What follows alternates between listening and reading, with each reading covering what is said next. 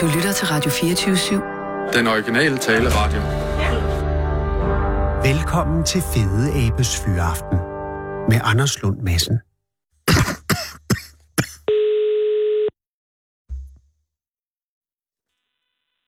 Ja, det er Simon. Simon Christensen. Christiansen, undskyld, det er Anders Lund Madsen fra Radio Ja, 24 goddag. Tak fordi jeg må ringe, Øh, og, og jeg er jo under pres allerede nu, fordi at, øh, hold da op, der er finker over det hele lige pludselig. Altså, der har lige været finker i nyhederne, og jeg kan forstå, at øh, TV2 ringer til dig her kvart over. Ja, det er rigtigt. Jeg skal gøre det hurtigt. Men det er altså, det er jo heller ikke en lille historie, i hvert fald ikke, hvis man er fugleentusiast. Øh, det er den store gråsisken, Det er nemlig rigtigt. Men, men Simon, øh, det var ikke dig, der fandt fuglen personligt, vel? Nej, det var en af vores øh, ringmærker, som ringmærker på Skagen Fuglestation og Zoologisk Museum i København. Øh, og Mm. og øh, han havde jo øh, han havde åbenbart lidt øh, tid og overskud den 24. der. Jeg ved ikke, om det var konen, der skulle lave ind, eller hvad det var, men øh, Men han går altså Øh. ud øh, juleaftensdag ja. her sidste år og, øh, og, og kigger på fugle. Øh, ja, eller han har så, sådan nogle speciallavet net op, hvor i man kan fange fugle. Og øh, det er jo ikke, fordi de skulle øh, bruges til julemad. Nej. Det er simpelthen for at finde ud af, hvor det er, som de flyver hen. Ja. Så de får sådan en lille ring omkring benet. Og på ringen, der er der en adresse. Ja. Og øh, de fugle, der bliver ringmærket hjemme i Danmark, der står der Zoologisk Museum København. Mhm. Og så står der et øh, nummer derpå. Og det svarer lidt til personnummer, ligesom du og jeg vi har. Ja, ja. Så vi altid kan finde tilbage til den rigtige fugl, så at sige. ja. Og er det et øh, ringmærkningssystem, der er enhed o- omkring i hele verden, eller er der, ja, findes der det flere? er der. Okay. Det er sådan et internationalt system, og så hvert land har rent faktisk deres ringmærkningscentral. Men der er ikke et eller andet øh, land, som ikke har kunne finde ud af, altså ligesom der er mange standarder, som fungerer over næsten hele verden. Altså jeg vil sige, nu, er jeg ikke, nu stod det jo på den her ring her, eftersom at fuglen er jo fra Kina, så stod der, det startede med at stå China. Mm. Så på den måde var det internationalt nok, og så stod adressen på, på kinesisk, så det kunne vi ikke helt rigtig læse. Men derfor tog vi jo så billeder af ringen, så vi var sikre på, at vi fik gengivet det rigtigt.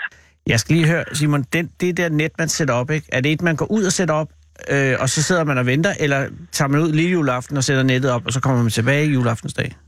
Nej, men øh, netten, der, de skal overvåges hele tiden. Og Okay. det er fordi, vi vil ikke have, at fuglen de hænger der særlig længe. De Nej, okay, ligger det der kan selvfølgelig højst, også være øh, til unødigt trætte for fuglen. en, øh, en, halv, en halv time, inden vi så tager dem ud. Og det, vi vil jo gerne af med fuglen igen, fordi vi vil gerne have, at de skal fortsætte deres rejse. Så måske komme ud på så lige så lang rejse, som øh, vores ven fra Kina her Mm. øh, er kommet på. Men hvad gør man så? Så sætter man nettene op steder, hvor man ved, at øh, fuglene lige flyver forbi, eller, altså, eller sætter man ganske enorme net op? Ja, man sætter netten op der, hvor der er, så man øh, ligesom tænker, der er nogle fugle. Og så skal det helst være lidt skygge, fordi øh, de her net her, de står, de når de forstår i forbindelse med busker og sådan noget, så er der en baggrund, som gør, at, øh, at de er rigtig svære at se på fuglen. Så hvis vi bare satte nettet op midt på en mark, så ville der være for meget, så ville der være for meget lys, lys omkring til, øh, og så ville fuglen simpelthen kunne se nettet. Men altså nogle gange om morgenen, der kan jeg også selv finde på at gå ind i sådan et net der, så de er faktisk rigtig svære at se. Så kan man remærke sig selv. Ja, det kan man gøre, men så stor jeg, det skal nok ikke. Men denne særlige dag, juleaftensdag sidste år, så gik der en stor gråsisken, som ikke er en særlig stor øh, finke, i Det nettet. er den ikke. Var jeg kun 14 gram. Det er det, er ikke, øh, det er ikke meget. Nej, det er det ikke. Det er det ikke. Men er det en fugl, der normalt vil vække opsigt alene af sin art? Nej, det er det ikke. Altså, det er faktisk en art, som øh, vi, man kan se hjemme. Man kan også være heldig at finde den hjemme i haven, specielt øh, sådan en år som i år. Øh, man kender den på en lille brun fugl med en rød plet i panden. Ja. Øh, nogle år så kommer de øh, i rigtig store antal, og det gjorde de her i efteråret. Der er også stadigvæk mange af dem tilbage nu her i vinter. Og øh, de rører sig simpelthen efter, hvor der er føde. Det er jo De, godt. øh, de har jo faktisk et kæmpe udbredelsesområde helt her fra Skandinavien af, hen, Mm. over, hen over Asien og til Nordamerika, også hele vejen rundt om, om Nordpolen, kan man sige. Wow. Og på den måde, men det, der var så specielt ved det her, det er jo, selvom arten faktisk yngler herfra, så helt derover over til Rusland, Ja. øh, det østlige Rusland, Ja. at, der så, at de simpelthen kan røre sig så langt øh, i jagten på føde. Vi Ja. kender jo fra de arter, som, som hvert år tager til Sydafrika, øh, eller ja, ja, med Afrika rundt omkring, som, øh, som forlader os øh, her om vinteren og kommer tilbage, ligesom svalen for eksempel. Øh, den tager jo faktisk på en, en lige så lang tur, og det ved vi, de gør alle sammen hvert år. Øh, men den her øst-vest-retning, som øh, grossiskerne har gjort, det er sådan lidt mere specielt. Og det er simpelthen jagten på føde. Hvis næste år der ikke er særlig mange, øh, meget føde til den her, de lever mest af alt af, af, øh, af frø, så, Frø? så kan det være... Ja, så Nå, kan det være, altså, de nå, okay. over. Jeg troede, det var en indfrø. Ikke men- frøer, nej. Ja, ikke modtaget. frøer. Ja, Dem, ja, nej. De, er, de er lidt for store. Jeg tror faktisk godt, sådan en frø, den kunne have sådan en... det Det ikke engang øh, men øh, så kan det godt være, at de simpelthen øh, tager til Kina næste år. Ah, Altså, nu har vi jo set her, og det, nu vil jeg sige, det er måske en enlig svale. Nu siger jeg, det jo første gang, at det er sket i Danmark, og det er rigtigt nok, at der er en øh, småfugl fra Kina, der rører herhen. Mhm. Men det er, det er faktisk tredje eller fjerde gang, øh, at det er sket øh, i Europa. Der er i hvert fald fund i Sverige, og et i øh, Norge også. men det vil sige, Så, altså, øh, denne er fugl, denne, særlig, denne specielle gråsisken, som, som han finder juleaftensdag i nettet, har så fløjet fra Heilongjiang-provinsen, Ja, som ligger det i det nordlige Kina, og det er en, en distance, og det må være i fugleflugtslinje, på 6.953 km. Lige præcis. Og det er rekord. Ja, i øh, øst-vest-træk for Åh. småfugle er det. Ja, Der er fordi... jo nogle arter, de kan jo faktisk trække rigtig langt. Altså, der er også, der er også fundet her fra Skandinavien af, af, af, af fjordterner. Øh, og de kan jo overvintre jo helt... Øh, de overvinter ofte nede i Sydafrika. Det er jo faktisk længere Men væk. der er jo havternen, eller havternen kan da trække 71.000 km om året, har jeg Ja, læst. ja, ja, ja, men det er rigtigt. Og det er jo Der- fuldstændig de vanvittigt. De flyver trækker det. tre-fire gange Ja. til månen i løbet af et Ja. liv. Ja, ja. Men det er nord-syd. Det er rigtigt. Ja, og det, ja, det er nemlig nord og syd, men de har det faktisk også lidt specielt, for de gør det røre sig rundt omkring øh, Sydpolen dernede. Blandt andet har man faktisk også et fund af en, øh, af en øh, fjordtern øh, fra Danmark, ja, som er blevet fundet øh, i Australien. Øh, så, øh, og det er den slægtning, havternen og fjordternen. Ja, Så det er jo endnu længere væk. Men, øh, men der er jo, så er der selvfølgelig også lidt vej op. Altså, de er jo lavet til næsten, altså, de er virkelig gode flyver, de der terner der. Men øh, Jo. det er gråsisken også. Nu ved vi jo heller ikke, hvor... Altså, vi ved kun fra A til B. Altså, den er blevet ringmærket der øh, 3. Ja. november 2016 Ja. over i Kina, i den nordøstlige Kina. Ja. Og så har vi så en dato nu her øh, den 24. december 2017, lidt over et år efter, hvor den ringmærker er. Vi ved ikke, hvor den har været i mellemtiden. Nej. Om den har faktisk taget den tur flere gange, eller om øh, det, det kan jo have gået zigzag, fordi det rører sig efter føden, så den har nok helt sikkert fløjet mere end det der. Man kan også indvende, hvis ikke han havde fanget den, så er den jo også fløjet længere. Øhm, ja, det ved jeg ikke rigtigt. Den, Altså, vi, vi kan jo godt, når vi har sluppet den, så kan den godt være, at den bliver, hvis vi er rigtig heldige, så kan det være, at den bliver fanget et andet sted ja. Nå ja. øh, igen. Så altså, man kan sige, vi er op, vi, altså den, de der minutter, der vi har haft den, så det er ligesom det, altså. Ja. Så fortsætter den videre ud på sin rejse. Men vil den typisk være på vej mod Norge? Øhm, det kan godt være, at den fortsætter mod sydvest. Det kan jeg også. Øhm, det kunne jeg da tænke mig, at gøre. Men, Mm. øhm, men nu her, når det er forår, så tror jeg nok, der er nok nogle af dem, der begynder at... Og det kan vi også se på antallet. Det er sådan lidt, lidt faldende, selvom der stadigvæk er mange tilbage. Så flyver de jo op nordpå igen, eller nordøst på. Men Simon, når du tænker... Jeg tænker, det er fordi, den er 13 minutter over, om der er to minutter til TV2 ringer til dig. Jeg vil ikke lægge ud med de gutter. Men når du tænker tilbage på det her, nu er det, jo, det var juleaftensdag, den beringmærket. Hvordan kan det være, at Forening venter alligevel øh, en måned med at gå ud med historien? Det er fordi, det skal verificeres, og det skal de igennem Zoologisk Museum i København. Ja. Og tænk på ringen her, der havde vi, altså vi har en adresse, og så har vi et nummer. Og det, og det der personnummer der. Og så rapporterer vi det ind til Zoologisk Museum i København, og så ja. tager de kontakt til, det er så øh, deres ringmærkningscentral i Beijing, som, øh, hvor de får ringene fra kineserne, ligesom vi får ringene inden for Zoologisk Museum. Men- og så, så, så giver de dem nummeret. De får adressen jo. Adressen stod det i Beijing, der er en Ja. ringmærkningscentral, så giver de dem nummeret, og så kigger de i deres database, hov, hvornår er den ringmærket, og, og hvorhen. Fordi vi vidste jo ikke, altså der den 24. december, der står på ringen, der står China, Mm. og står den adresse, og så står det personnummer. Så ved, vi. Så ved vi jo ikke, hvor eller hvornår. Og Kina er jo et stort land. Nej, men de er den et til alt med, med, alt med kontrol og overvågning. Det ved de noget om. Øh, ja, og det, sådan er det jo også. Jamen, så der skal vi også øh, Jamen, det- få så mange oplysninger som muligt på de der fugle, så vi ikke går glip af noget. Præcis. Men det vil sige, at historien om gråsiskenen fra Kina har floreret i, øh, i ornitologkredse i en måned, og det er nu, at den, den ligesom bliver offentlig. Jeg kan sige, at der, der ude på, os, øh, på Skagen Fuglestations Facebook-side, så den blev delt ret hurtigt. Der kommer også nogle kineser. De kunne heller ikke rigtig vente. De kunne jo godt tænke sig at vide, øh, Det er hvem af dem det var af deres ringmærker. Så, så, men øh, nej, det skal jo verificeres ordentligt. Så, Jamen selvfølgelig, og men det er det har vi blevet nu. Svaret. Det er jo, Og, øh, Ja. og der findes vel, i hvert fald for Skagen Ornitologisk Forening, et før og efter juleaften 2017. Det gør det i hvert fald. Jamen, tillykke. Vil du ikke sige til ham, hvad hedder han, ved du det? Er det offentligt, kan man sige det? Øh, Preben? for noget siger du? Hvad hedder han, ham der fandt fuglen? Der er ham, der er ringmand, vores ringmand. Han hedder Michael Anker. Michael Anker. Øh. Hils Michael Anker mange gange og sige tillykke med det meget flotte fu- øh, fuglefund. Det, det skal jeg gøre, Anders. Jeg, jeg slutter af nu, fordi de ringer lige om lidt, tror jeg. Ja, det er Tak, godt. tak fordi, at du vil være med og have en rigtig god dag. I lige måde. Hej. Hej, hej. Du lytter til Fede Abes Fyraften med Anders Lund Madsen. Kære lytter, det er i dag den 1 februar 2018.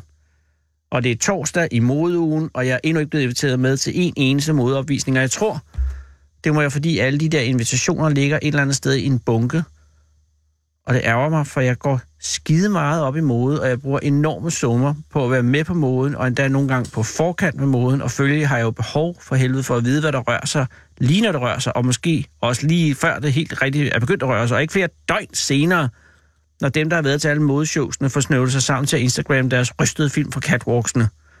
For eksempel gik der et helt døgn, før jeg opdagede, at den verdenskendte danskfødte discjockey Morten Breum har lanceret undskyld, en helt ny kollektion, der ifølge TV2 Løje sætter fokus på klimaforandringer i samarbejde med organisationen WWF, Verdensnaturfonden, der kæmper for at beskytte jordens natur. Det er nogle fine hvide trøjer, og nogle hættetrøjer og nogle bukser hos os, med en kopi af den der øh, snusende, nuttede isbjørn fra Nordisk Filmreklamerne på forsiden, og så Verdensnaturfondens logo på bagsiden. Og de fremvises og sælges kun under modeugen, kan jeg forstå, hvilket betyder, at man skal til at råbe neglene, hvis man vil redde verden. Faktisk har jeg lige fundet ud af, at det var i går nede på Cinemateket her i København, og det var en event, som åbenbart har været annonceret på Facebook, hvor jeg jo heller ikke er, hvilket ikke gør det hele nemmere, men heldigvis er det til synligheden enormt nemt at redde verden med trøjer med tryk på, som Morten Breums stab skriver det i pressemeddelelsen.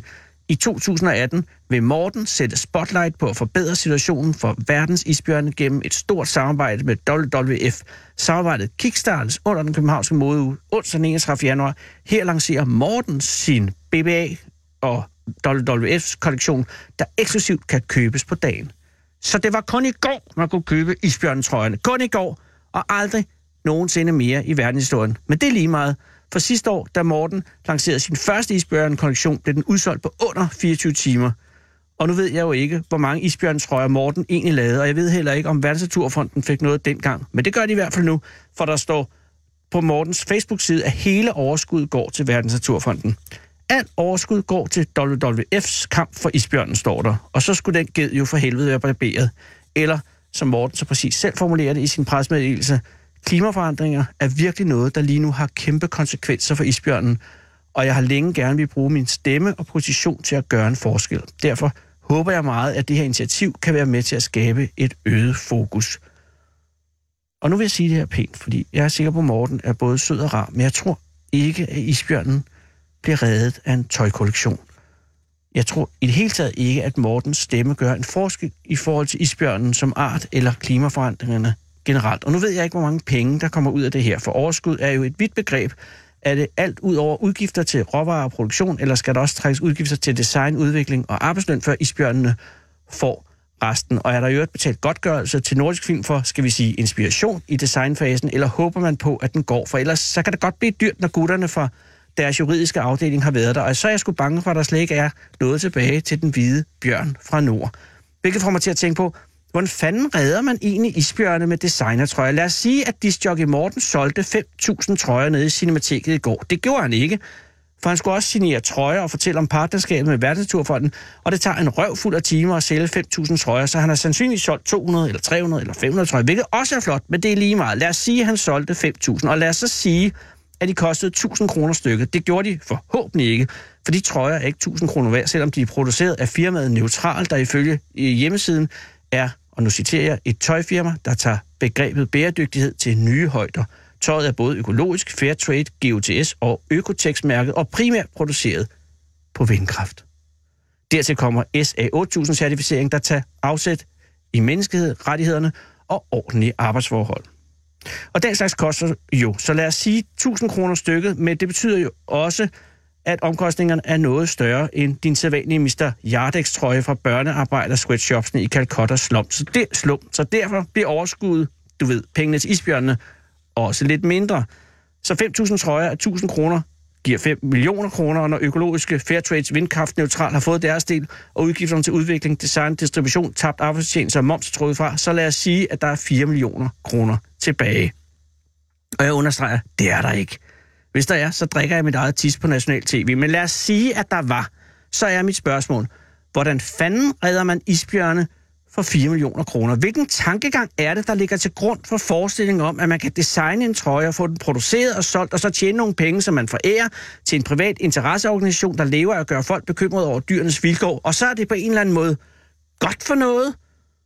Og det er ikke fordi, at jeg mener, at der er noget galt med natur, Verdensnaturfonden. De er dygtige til det, de gør, og fred være med det. Men jeg tror, dele med ikke, de redder isbjørne. Jo, faktisk tror jeg, at de har reddet en enkelt isbjørn hister her. Jeg så for to og et halvt år siden en isbjørn blive reddet af Verdensnaturfonden med mine egne øjne. Det var i 2015, da jeg boede i Tokotormit på Østgrønland, og så vandrede der en isbjørn forbi ude på isen. Og da den havde vandret forbi byen, så vendte den om og vandrede tilbage igen. Og det er i den slags situationer, at de lokale storfanger tager ladegreb på jagtriflerne og lægger kolben til skulderen. For i Grønland må man gerne skyde isbjørne, hvis de vandrer ind i byerne og begynder at virke truende over for orden i folk. Og det gør de imellem i og mest på grund af den gigantiske åbne losseplads i udkanten af byen, byen, som lugter af mad og død og andet lækkert, og under normale omstændigheder ville isbjørnen blive skudt, og så var den potte ude. Men denne dag blev Bamsen reddet af Verdensnaturfonden, som samme sommer havde ansat en lokal mand ved navn Anders på halv tid til at skræmme eventuelle isbjørne væk, før de går ind i byen og bliver et problem. Og Anders havde også fået en mobiltelefon af Verdensnaturfonden og et abonnement, og så var der en, der ringede til Anders og sagde, at der vandrede en isbjørn omkring i udkanten af byen, og så greb Anders sin riffel og skød hen over hovedet på isbjørnen, så den vendte rundt og løb sin vej. Så den isbjørn blev faktisk reddet af Verdensnaturfonden. Og Morten Breums trøjer vil måske redde flere isbjørne. Men det er jo lige meget. For isbjørnen som art er fortabt, og om 200 år vil den næppe eksistere længere ude i naturen, hvis klimaforandringerne fortsætter. Og det gør de, så længe vi mennesker ikke ændrer adfærd. Og det gør vi ikke, så længe folk som Morten Breum og firmaer som Verdensnaturfonden stjæler alt opmærksomhed med deres pop og fis. Hvis du virkelig vil redde nogle dyr og nogle træer og sådan noget, så skal du holde op med at spise alt det gris og alle de bøffer og droppe flyferierne og gå i det samme tøj i 10 år. Men det er jo ikke til at holde ud. Og jeg er også alt for hård ved den diskjockey, for han mener det sikkert helt godt. Og det hele er også bare fordi Mads Steffensen ikke har ringet til mig. Og nu er der gået 13 dage siden, han skrev til mig på Twitter og spurgte, om jeg gerne ville være med i masser af monopolet. Og så gik der jo omkring 30 sekunder, for jeg sagde ja tak. Og så lovede han at ringe ugen efter, og nu er der gået nærmest to uger, og jeg har intet hørt. Og det driver mig til vanvidsrand, for tænk, hvis det her bare er mobning. Jeg vil jo gøre hvad som helst for at komme med i masser af monopolet, og det ved han jo godt. Og min bror var med en gang, en gang, det er nærmest det værste, for der er kun én ting, der er værre, end at være med i masser monopolet kun én gang, og det er, hvis man aldrig har været med i det. Og jeg troede, jeg skulle være med, og han lovede at ringe, og måske var det hele bare for at lokke mig op på scenen til det store afdansningsbal, så jeg kunne få spanden med svineblod helt over mig, ligesom i Carrie. Og Mads, hvis du hører det her, jeg er stadig klar. Jeg vil gerne. Jeg er klar til dilemmaerne. Og nu lover jeg at høre dit program på lørdag, og så lover jeg at besvare alle dilemmaerne her i radioen på mandag, og så skal du høre, at jeg godt kan, og så ringer du måske, Mads, i næste uge. Okay? Mads, please, bare ring. Du lytter til Fede Abes Fyraften med Anders Lund Madsen. Mine damer og herrer, i dag er en... Øh, det, er en, det, er en, det, er en, det, er en, det er en stor dag, og det er også en, en lidt trist dag, og det er også en fantastisk dag, for det er øh, i dag dagen, hvor øh, Kammer Hansen er gået fra Bore. Kammer flytter til Berlin. Flytter på mandag, kan jeg forstå. Og hun er således ikke længere her til at finde manden på gaden. Det betyder, at Sara har været ude i dag. For første gang, Sara var jo med i sidste uge, og det vil øh, trofast lytter af det her program måske huske, øh, på den heustratisk berømte dag, hvor manden på gaden forsvandt i huset, før han nåede at komme i radioen. Faktisk var det to, og de er stadig lidt forsvundet, fordi det med de overvågningsbånd er stadig i restordre. Men Sara blev ikke skræmt. Mange ville være skræmt. Det svarer til, at man tog ud første gang på isbjørnjagt, og så har man glemt patroner. Det er et dårligt billede, men det hænger sammen. Men i dag har Sara været nede alene første gang i mørket i Danmarks mest befærdede kryds. Og du er kommet med op. Hvad hedder du? Jeg hedder Else Marie Andersen. Else Marie Andersen, tusind tak, fordi du er kommet. Øh, hvor mødte du Sara? Lige hernede på hjørnet. Altså lige nede ved Gyldenløvsgade? Eller, ja, eller H.C. vi kom- Andersens? Jeg kom ned fra Søerne. Du kommer ned fra Søerne. Ja. Og øh, havde du en god oplevelse med at sige, var hun høflig? Ja, ja, Og det- meget sød. Og det er jeg glad for. Øh, ja, Ja, men det er jo også, det er jo også et fjollet spørgsmål. Det er kun fordi, det er første gang, at, at Sara er ude og spørge folk. Og det kan jo godt være, jeg ville synes, det var meget grænseoverskridende. Jeg vil ikke turde gå hen til, til folk og spørge I er med op i radioen. Så jeg er meget imponeret over, at der er nogen, der tør.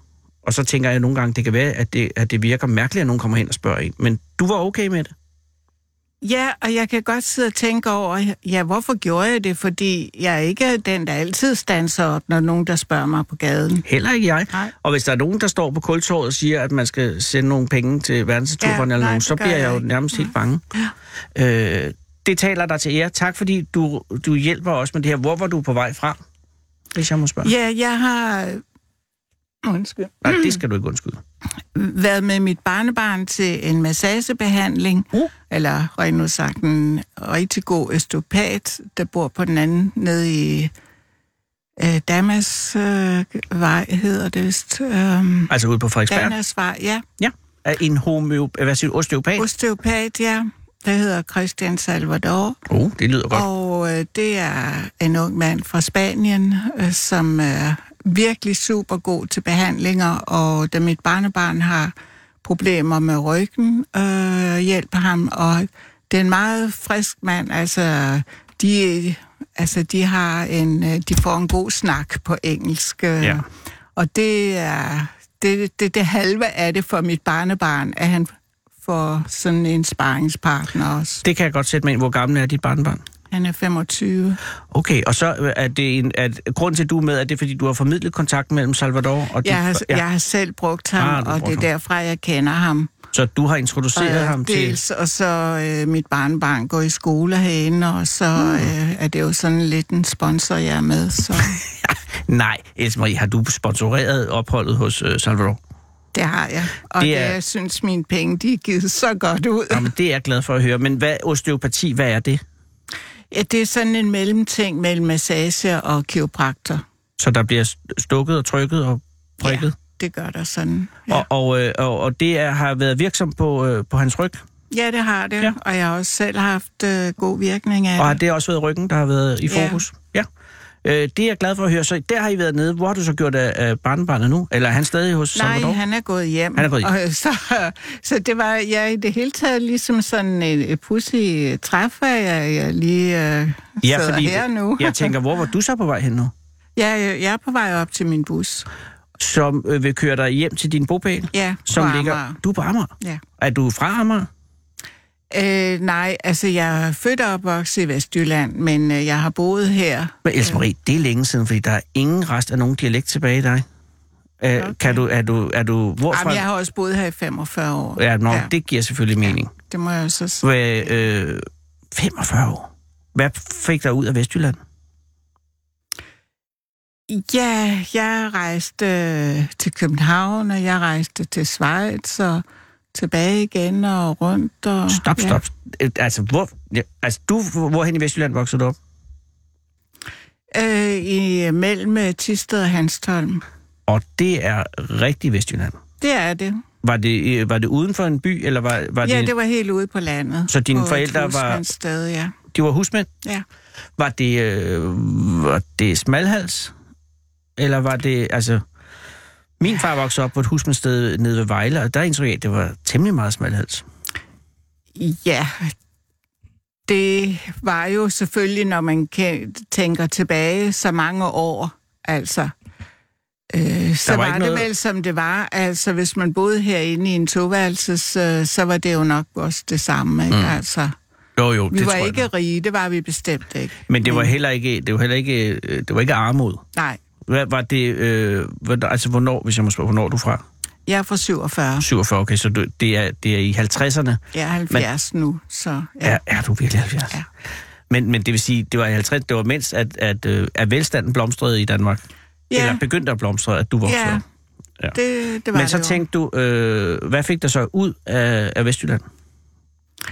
Øh, det var... Var det arbejde? Ja, det var det dels. Det var, det var nemmere for at arbejde herover og prøve nogle nye arbejdsmuligheder og Men drog du simpelthen og, ud for at søge lykken? Eller ja, havde det kan du en man aftale? Godt sige. Nej, jeg havde øh, aftaler om et job, da jeg kom herover. Okay, nå, ja. det var godt. Men så blev du hængende i noget tid, og så flyttede til Schweiz? Så blev jeg au pair. Ah, au pair. Ja. Var det godt? Ja, det var det.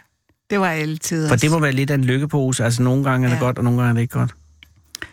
Ja, det er det bedste job, jeg har haft, fordi det gav mig sådan et boost til at gå videre ud i nye jobs, da jeg kom hjem. Nå, hvordan kan det være? Ja, fordi jeg synes, jeg lærte at opleve så mange ting. Hvad, kunne, du, øh, kunne du tysk, kunne du fransk? Kunne du... Nej, det kunne jeg ikke, men øh, det fik jeg jo muligheden for Det at lære rigtigt. noget af. Så det var jo Så blandt du- andet det, der øh, fik mig videre i job, da jeg kom tilbage til København. Og det er sjovt, fordi Karma, som har været på det her program indtil i dag, tager jo til Berlin netop også for at, at lære verden at kende. Hun er heller ikke øh, så god til tysk nu, man regner med at lære det. Ja. Og det vil sige, du kan godt sige til Karma, at det skal man ikke være bange for. Ja, det vil jeg sige til alle. Nå, men du blev ikke i Schweiz. Nej, det gjorde jeg ikke. Jeg var der halvandet år. Og hvad fik dig tilbage igen? Det er... Var det en mand, Else Marie? Ja, lidt. Øh, men jeg tror også, det var en fornemmelse af, at der skulle jeg ikke blive. Mm. Halvandet års længe. det, det er svært at definere det hele, men helheden i det. Hvad havde du en var- hjemlængsel? Jeg gik, nej, ikke på den måde, men alligevel, så, så er jeg faktisk glad for, at jeg kom hjem, når jeg sådan ser tilbage på det. Ja. Hvad, øh, efterlod du noget dernede? Nej, Nej. Men du kom hjem, men du overvejede ikke at tage tilbage til Vestjylland så? nej, jeg synes det her, det var sådan en mellemlanding, eller Ja. indtil jeg så ligesom, ikke? Og så, Men hvad besluttede så? Hvad blev så din livsbane? Hvad har du lavet arbejde? ja, det er jo lidt morsomt, når jeg sidder her, fordi om på den anden side af huset, der har vi borgerservice. Det er korrekt. Og der har jeg faktisk arbejdet, indtil jeg blev pensionist for seks år siden. Wow. Har du i den borgerservice herovre? Ja. Det, er jo, det må have været den største, før de omlagde Det, var, det hed Københavns Folkeregister, øh, Ja. da jeg var der. Det var gigantisk. Var du, har du været i, øh, i forskellige afdelinger, eller har du siddet Ja, i, i pas? har jeg. Okay, så du har været hele dynen igennem? Ja, Så det, du har set- sådan er det nu om dagen. Ja. Men det Du jo... får ikke lov at sidde på en plads ret lang tid ad gangen. Nej. Men hvad har været det bedste i borgerservice? Altså, har, du har haft meget kontakt med, med borgeren. Det, det, det er svært Ja. at undgå, ikke? Ja. Og, og har det været rart, eller er Københavns borgere Ja. nogle idioter?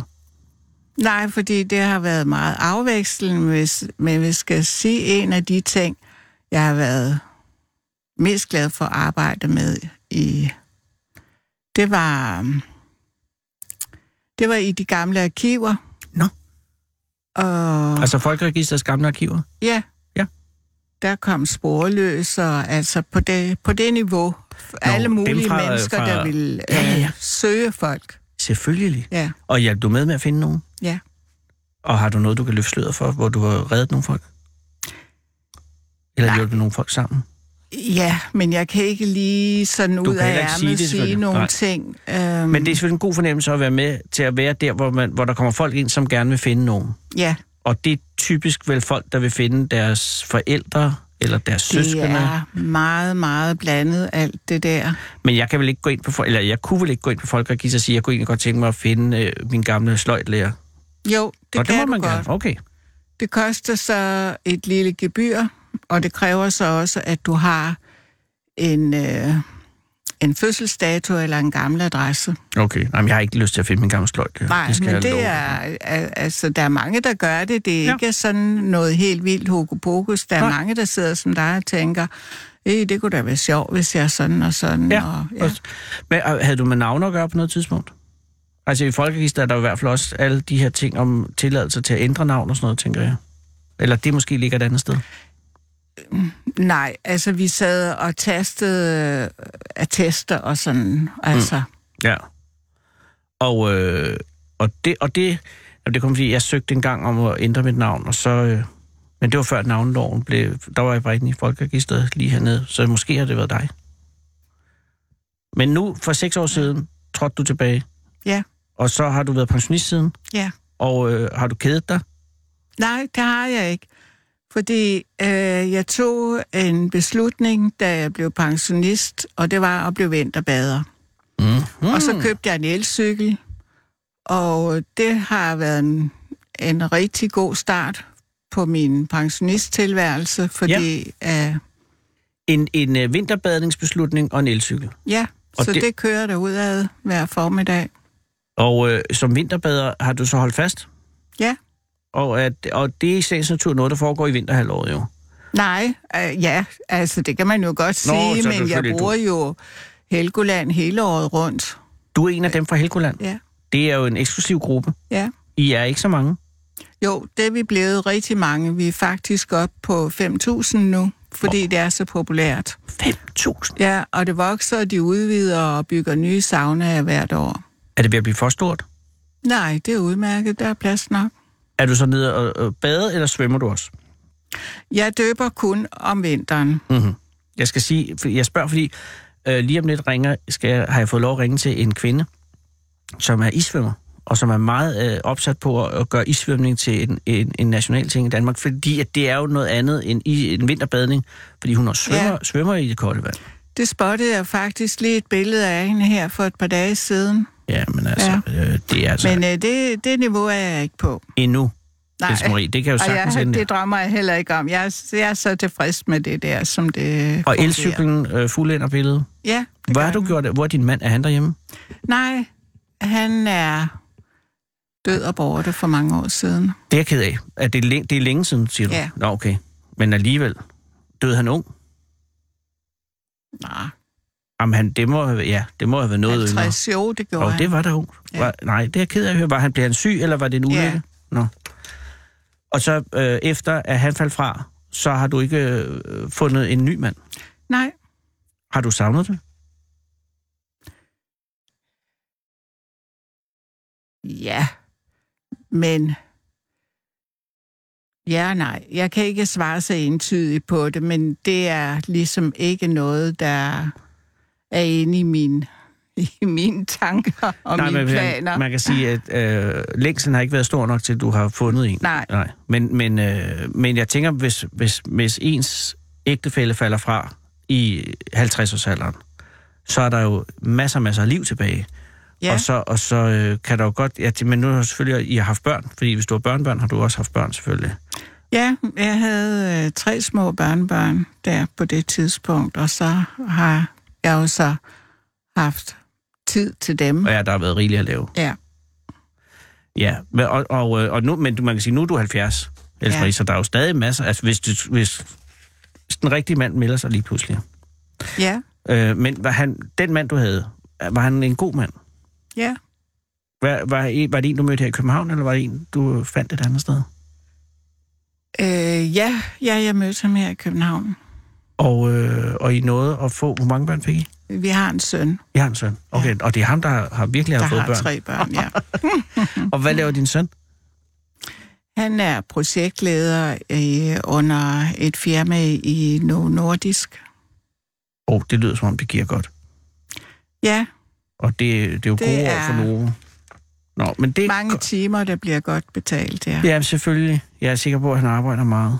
Øh, men men øh, det er jo alt i alt gået rigtig godt. Har du overvejet at flytte tilbage nu her øh, i dit otium til Nej, Vestjylland? Nej, Øh, fordi der sker for lidt, eller hvad? Du kunne sagtens vinterbade der. Stranden er jo muligt endnu bedre. ja.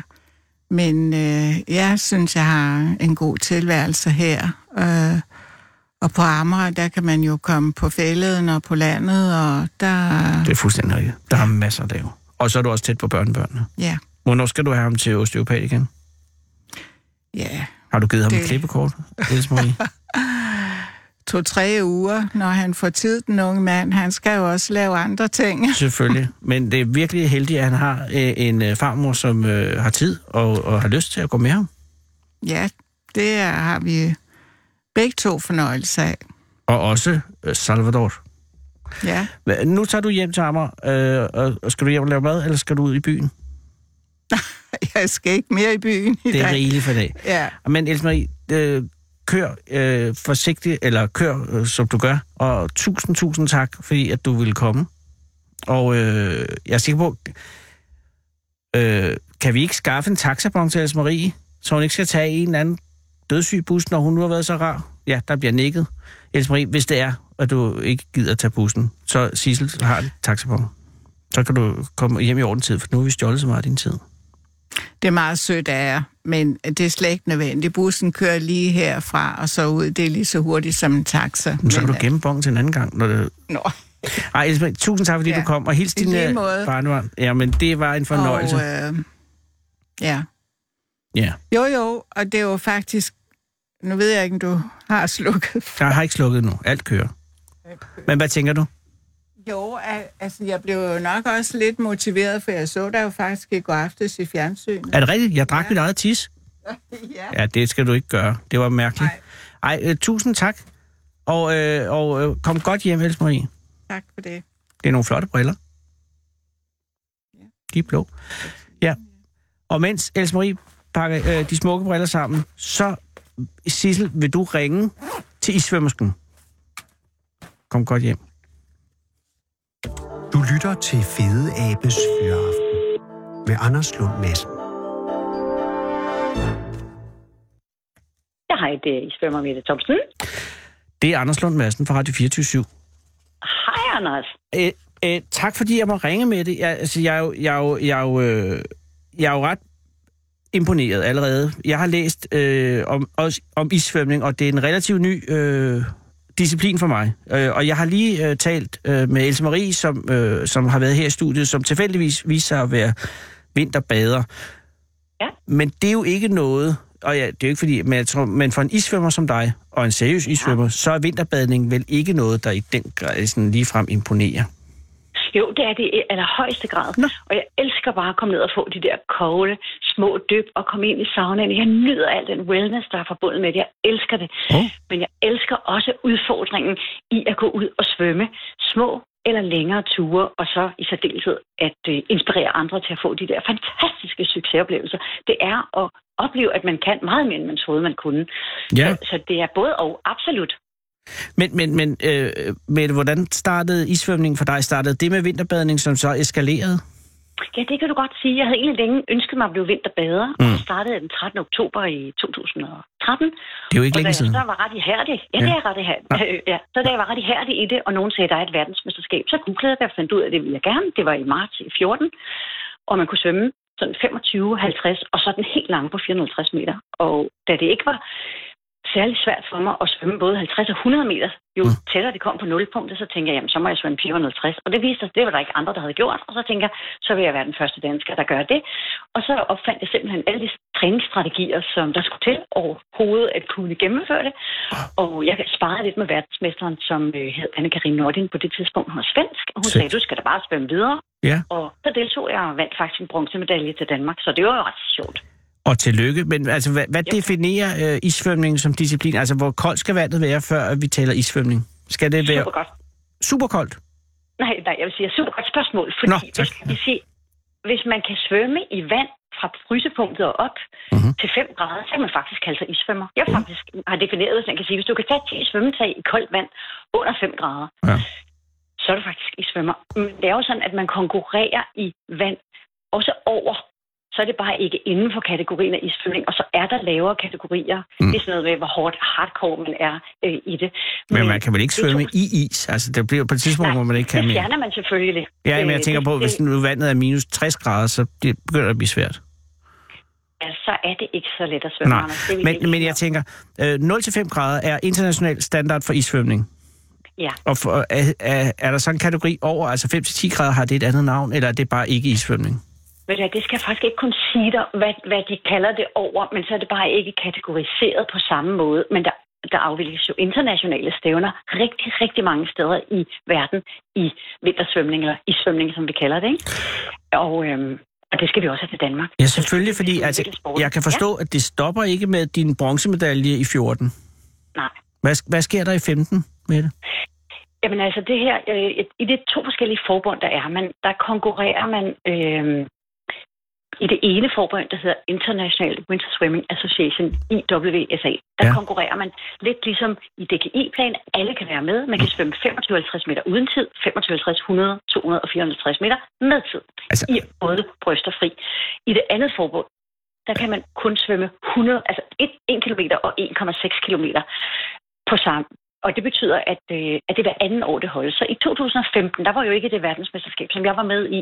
Så der forberedte jeg mig bare til 16 ved at udbrede det som øh, sportsgren i Danmark. I 12 var der kun tre med. Mm. I 14, da jeg øh, fik skrevet rundt til alle vinterbadeklubber, der var vi 22. Åh, Oh, ja. Så inspirerede jeg en god bid til at tage med til Sibirien. Der var vi 26, og nu har jeg så sat mig et langt større mål. Vi skal være 100, der skal være med til det næste verdensmesterskab, som afvikles her den 6. til den 10. marts. Og man kan faktisk sagtens stå og være med. Stop lige et øjeblik. Altså, hvordan gik det i Sibirien? Altså personligt tog jeg derover for at gøre mit bedste og svømme alle discipliner, det vil sige på fem dage svømme ni gange. Mm. Og øh, det gik så godt, at jeg faktisk fik fem ud af syv mulige individuelle medaljer med hjem i den aldersgruppe, som jeg stiller op i, som er fra 55 til 60. At, nå, gud, er du... Nå, jeg troede, jeg havde indtryk... Nå, jeg... Men det, det er isvømningen med, der gør det, fordi at, at, øh, jeg har jo kun din stemme at gå efter. Det lyder, du lyder meget Ja. yngre. Nå, okay. Men det er sikkert Men det cool. også meget ung at se. Jamen, øh, selvfølgelig, men alligevel, øh, Hildemand, så du tager fem ud af syv medaljer? Jeg blev faktisk nummer 4 nummer 5. Kun lige sådan få sekunder fra, at jeg kunne have vundet med alle fire. Men nu skal du høre, jeg anede ikke, jeg vandt. Da jeg stod på podiet, nej, undskyld, da jeg stod og filmede alle, for jeg har dokumenteret alt, hvad jeg overhovedet har lavet. Øh, og andre svømmer, det har jeg lavet inde på min hjemmeside, der hedder iswimmer.com, som øh, egentlig er lavet til, at man kan lære hvordan bliver man isvømmer? Hvad er sikkerhedskriterierne for at blive det? Hvordan laver man isvømmerforeninger? Der ligger dokumentation for alle de VM, som, som jeg har deltaget i. Øhm, men derover øh, der stod jeg jo filmet for at kunne dokumentere det senere, og stod bare og filmede. Altså, jeg kiggede, hvad, hvordan det gik, så vandt jeg så en bronzemedalje, og tænkte, nå, okay, de så næste følgende dage, så kunne jeg jo godt se, at lå nogenlunde lunt i feltet, og jeg vil gerne understrege, at jeg er ikke nogen særlig specielt god svømmer. Ah. Så jeg opfordrer jo bare, nej, jeg er bare stedig og sætter mig mål og nå dem, og det er det, jeg er specialist i, det er det, jeg kan coache andre folk til, Men og det er det, som er mit speciale. Fem ud af syv medaljer. Ja. Men, men nu gælder det... de 6 ud af 10, Danmark har vundet i det regi. Jamen, nu. det, det er siddet rimelig sikkert på den trone. Men, men nu gælder det så marts måned. Ja. Og det er jo lige om lidt. Nu skal vi da de sidste 25 med. Jeg har lige ringet til, øh, til det internationale forbund øh, Mm. i går og, og, og lavet en follow-up på det her. Øhm, inden for den sidste uge er der yderligere seks, der har meldt sig, og hver dag er der nye, der ringer eller skriver til mig hold fest, og det vil vi gerne være med til med det, Ja. som jo formodentlig allerede er øh, inde i, i den der rutine med at komme i det kolde vand. Men jeg postulerer faktisk, at hvem som helst vil helbrede i orden, og hvis man har glæden ved at komme i det kolde vand, som man så kan finde ud af, at man har, de kan faktisk komme med til et verdensmesterskab. Fordi ja. hvis du bare kan opholde dig i et minut i koldt vand omkring frysepunktet, og samtidig kombinere det med at tage de svømmetag, det er at svømme en bane i en almindelig 25 meters svømmehal. Ja. Så kan du deltage i et verdensmesterskab. Og det kan vi altså faktisk alle sammen. Og hvor mange øh, siger du, at du har på holdet nu? Altså lige nu er vi 75. 75. Og, øh, jeg arbejder, ja, men øh, der- der kommer hele tiden nye til, og det er simpelthen så spændende. Jeg en, altså, arbejder virkelig målrettet på, at vi skal blive de der 100. Jeg har fået sponsoreret badehat ind til folk, ligesom jeg gjorde sidste gang, vi var afsted med røde dannebrugsflag, og øh, jeg arbejder selvfølgelig seriøst på, at vi skal have en rød pue med dannebrugsflag og øh, syde Danmark på, på fronten, sådan, så vi virkelig indtager det her øh, billede af, at Danmark skal være Nordens førende isvømmernation, hvor vi jo danner skole for andre nordiske lande, ikke? og det skal vi jo bare markere. Og Mette, det er jo et kolossalt ambitiøst mål, når vi er op mod ja. Nationer som Sverige, Norge og Island, som må være store Nej, på det er isvømmefronten. Jamen, ved du hvad, vi var i Sibirien, Ja. der, hvor vi var over, der var der 1275 deltagere. Ja. Ja. 42 forskellige lande. Vi blev det femte bedst repræsenterede land med 26 deltagere. Russerne havde 916, finnerne havde 110, så kom tyskerne, Belgien, og så kom lille Danmark. Så jeg vil jo våge påstå, at vi ikke alene bliver Nordens førende isvømmernation, men who knows, hvor meget vi i virkeligheden kan gøres som verdensførende. Fordi hvis man tager den del af den danske befolkning, som nu fremover kommer til at tage svømmetag i det kolde vand, og tænker på befolkningstallet, ja. så kommer vi til at hitte. Og det er ikke fordi, vi skal vinde i noget. Vi skal inspirere folk, for det giver fællesskab, det giver sunde, sjove oplevelser, det giver samhørighed og glæde for folk, øh, lille som små, tyk som tynde, og folk, som aldrig har konkurreret til at komme ud og få nogle pragtfulde oplevelser. Men det er stadig nede, en, en krop ned i noget meget koldt vand, meget længe. Jamen, det er det jo ikke, når det er 25 meter, 25 meter. Det kan de Nej, det er altså virkelig ikke under et minut. Det tager jo, for det er virkelig, virkelig hurtigt. Der tager det måske en 17. Vi har faktisk en dansk guldmedaljevinder på 76 år øh, for to år siden, som, øh, som snuppede en guldmedalje og en sølvmedalje. Jamen, det er jo det rene vanvid. Men altså... Nej, det er da bare så fantastisk. Ja, ja. Det, det jeg mener det også på den måde. Men jeg tænker bare, hele mænd, det lyder som om, at det, det er lige til at, at, at løbe ind og napse hele mulvitten. Du har ramt en guldår med det. Jamen, det har du. Altså, guldåren for mig, det ja, er... Jeg, jeg, jeg tænker ikke økonomisk guldår, jeg tænker en prestigemæssig guldår. Ja, det er da det, vi skal, men vi skal stå sammen om det her i Danmark. Det er ikke mig. Det, Nej, altså, jeg kan men lige nu er det dig, der bærer den fane med Thomsen. Nå ja, okay, men den tager så på mig, ja, og fordi du det har, vil jeg rigtig gerne. Du har frem til den 6. marts, hvor øh, yes. VM i Estland øh, tager sin begyndelse i Tallinn, det gamle danske land. Og Nemlig? der vil forhåbentlig vandre 100 svømmersker og svømmere, ja. isvømmersker og isvømmere ind og, på stadion. Ja, og alle, der synes, at de ikke ved nok om det her, det er ikke, fordi jeg skal lave reklame for hjemmesiden, men Iceswimmer.com .com. Ja, det er fordi, der har jeg skrevet under, man kan læse det hele, men man kan også læse noget, der hedder konkurrencer. Kommer ned, så finder man VM, mm. VM, Estland 2018, og så kan man jo se fra både 16 og 14 med videoer, hvad ved jeg. Jeg kan ikke anbefale det varmt nok. Gå ind på den Nå, hjemmeside. Nå, dejligt, Anders. Skal du ikke med? Jeg ja, nej, desværre jeg er bundet af radioarbejde her i København, men jeg Ej, vil følge jer med hjertet. Det er det sød. Ja, men held og lykke med det, og, Tusind tak, Anders. kom hjem med medaljer til os. Det er en aftale. Vi skal gøre vores bedste. Tak. Tusind tak. Tak, siger jeg. Hej. Hej. Du lytter til Fede Abes Fyraften med Anders Lund Madsen. Og hvis man tror, at verden ikke kan blive mere fantastisk, så er det, fordi man ikke hører resten af det her program.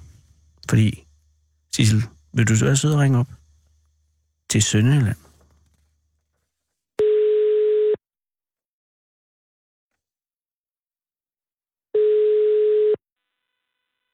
Henrik. Hej Henrik, det er Anders Lund Madsen fra Radio 24 i København. Ja, hej Anders.